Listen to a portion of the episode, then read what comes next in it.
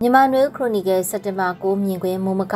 ရုရှားခီးစဉ်အနုမြူစွမ်းအားဆိုင်ရာစာချုပ်2023မှာကျင်းပမဲ့ရွေးကောက်ပွဲအမည်ရတဲ့မုံမကဆောင်းပါဖြစ်ပါတယ်။ စစ်ကောင်စီခေါင်းဆောင်ရဲ့ရုရှားခီးစဉ်မှာရုရှားသမ္မတပူတင်နဲ့တွေ့ဆုံခဲ့တဲ့အပေါ်စစ်ကောင်စီဘက်အနေနဲ့အားရဝမ်းသာဖြစ်နေတာသတင်းတပ်ပုံဗီဒီယိုတွေနဲ့ထင်ထင်ရှားရှားမြင်ရပါတယ်။နိုင်ငံတကာတန်တမန်နယ်ပယ်မှာအတိမတ်ပြုမခံရဘူးဆိုတဲ့ပြောဆိုမှုတွေကိုခြေဖြတ်ချင်တာကြောင့်အခုလိုရုရှားမှာကျင်းပတဲ့အရှေ့ပြားစီးပွားရေးဖိုရမ်ကိုကိုရိုင်းတက်ရောက်ပြီးရုရှားသမ္မတနဲ့တွေ့ဆုံဖို့အခွင့်အလမ်းတန်တမန်ရေးအရဖယ်ကျင်ခံနေရတာမဟုတ်ဘူးဆိုတာမျိုးပြသချင်တာ လောင်စာစီနိုင်ငံခြားငွေကြေးသုံးစွဲမှုမှာကန့်သက်ပိတ်ဆို့မှုခံရနိုင်ခြေအနေအထားလက်နက်ဝယ်ယူမှုစတဲ့အကြောင်းအရာတွေကိုရုရှားနဲ့ဆွေးနွေးဖို့အကူအညီတောင်းခံဖို့အတွက်တခုမကတဲ့ရည်ရွယ်ချက်တွေနဲ့တွားရောက်ခဲ့တာဖြစ်ပါတယ်။ကမ္ဘာမှာလောင်စာစီဈေးနှုန်းမြင့်တက်လာတာကြောင့်ပြည်တွင်းမှာလည်းလောင်စာစီဈေးတွေမြင့်တက်လာတဲ့ကြရက်နဲ့အခုလပိုင်းတွေမှာတော့နိုင်ငံခြားငွေလှည့်လည်သုံးစွဲမှုကိုကန့်သက်ထိန်းချုပ်တာ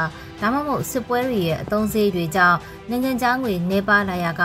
မြန်မာငွေတန်ဖိုးတိတိတသာထိုးဆင်းလာပါတယ်။အိမ်မှာလောင်စာစီဈေးတွေကိုပုံမမြင့်တက်စေတာကြောင့်ပြည်ရင်းကကုန်ထုတ်လုပ်မှုနဲ့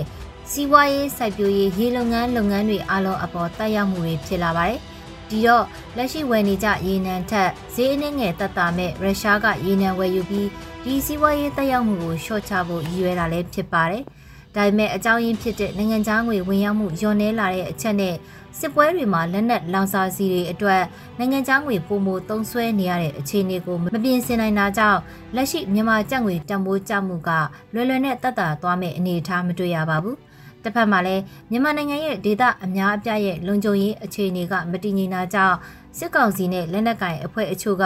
ခီးသွားလမ်းကြောင်းကန့်သက်ပိတ်ဆို့မှုတွေလုပ်လာတဲ့အခါကုန်စည်တဲဆောင်ရောင်းဝယ်ရေးကိုထိခိုက်လာပြီးစားဝတ်နေရေးကုန်ကျစရိတ်တွေမြင့်တက်လာနေတာကုန်ပစ္စည်းတွေမတန်တဆဈေးမြင့်တက်နေတာတွေရင်ဆိုင်နေရတာဖြစ်ပါတယ်။ ချင်းပြည်နယ်ဒေသအချို့၊ကယားပြည်နယ်ရဲ့ဒေသအများအပြား၊စကိုင်းတိုင်းရဲ့ဒေသအများအပြားမှာအခြေခံစားသောက်ကုန်ဈေးဝါလောင်စာစီတို့မကြုံဘူးတဲ့ဈေးနှုန်းတွေနဲ့ဝယ်ယူနေကြရတာဖြစ်ပါတယ်။ဒီအရာတွေကစစ်အာဏာသိမ်းထားတဲ့စစ်တပ်ရဲ့လုံခြုံရေးလက်နက်နဲ့ထိန်းချုပ်ရေးကိုသာဦးစားပေးပြီးမြေလံစနစ်ပိတ်ဆို့ဖျက်တောက်တဲ့လှုပ်ဆောင်မှုတွေကြောင့်ကုန်စည်နှုန်းတွေလူနေမှုစရိတ်တွေပုံမမြင့်တက်လာတာတွေဖြစ်ပါတယ်။ ဒေါ်လာနဲ့ရူဘယ်ငွေကြေးရေးချယ်မှုကြောင့်မဟုတ်ဘဲနိုင်ငံတကာအတိမတ်ပြုမှုမပြုမှုကြောင့်မဟုတ်ပါဘူး။အာနာကိုသာပထမဦးစားပေးတဲ့အာနာရှင်တွေရဲ့စဉ်းစားဆုံးဖြတ်မှုအမိန့်တွေကန့်သက်ချက်တွေရဲ့အကျိုးသက်ရောက်မှုတွေသာဖြစ်ပါတယ်။ ဒါကြောင့်စစ်ကောင်စီခေါင်းဆောင်ရဲ့ရုရှားခီးစဉ်ဟာနိုင်ငံတကာတန်တမာရေးနယ်ပယ်မှာထူးထူးခြားခြားဂုံတိတ်ခါတက်လာဖို့မရှိတဲ့အပြင်အနောက်ဥရောပနိုင်ငံတွေကိုစစ်ရေးအရ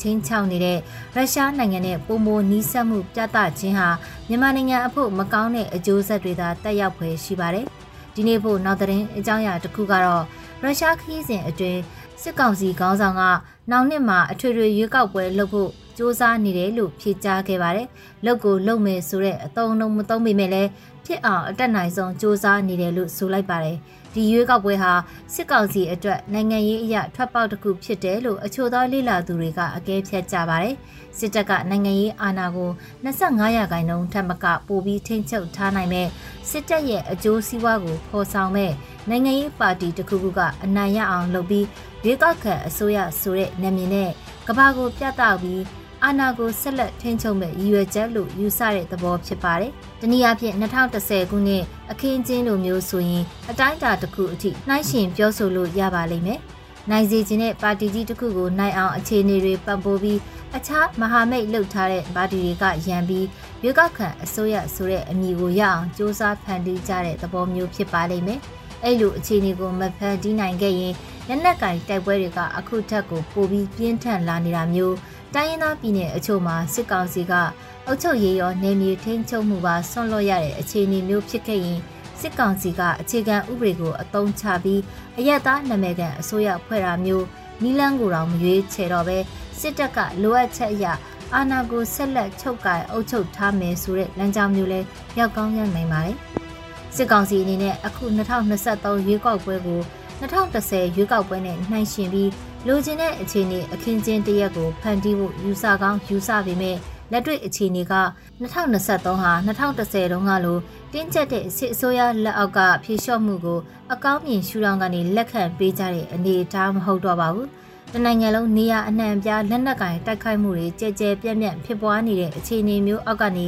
ရွေးကောက်ပွဲနီလန်းကိုယုံကြည်မှုအနှိမ်ဆုံးကျဆင်းနေကြတဲ့အချိန်အခါဖြစ်တာမို့2010နဲ့အဓိကမတူညီတဲ့အနေအထားဖြစ်နေတာဖြစ်ပါတယ်။အခုဖတ်ကြားပေးခဲ့တာကတော့ရုရှားခရီးစဉ်အနုမြူစွမ်းအားဆိုင်ရာစာချုပ်2023မှာကျင်းပမဲ့ရွေးကောက်ပွဲလို့အမည်ရတဲ့မြန်မာနွေဦးခရိုနီကယ်စက်တင်ဘာ9မြင်ကွင်းမူမခဆောင်းပါဖြစ်ပါတယ်။